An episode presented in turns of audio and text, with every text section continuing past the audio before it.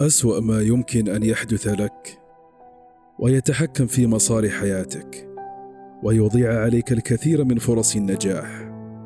هو خوفك.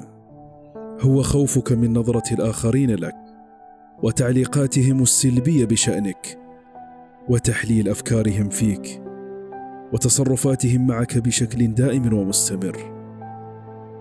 قد تعيش عمرك كله في هذا الوهم.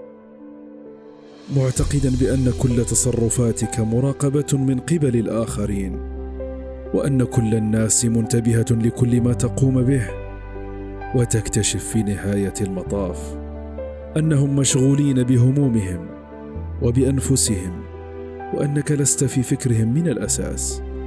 لذا عش حياتك كما تحب أن تعيشها أنت ولا تلتفت لأحد.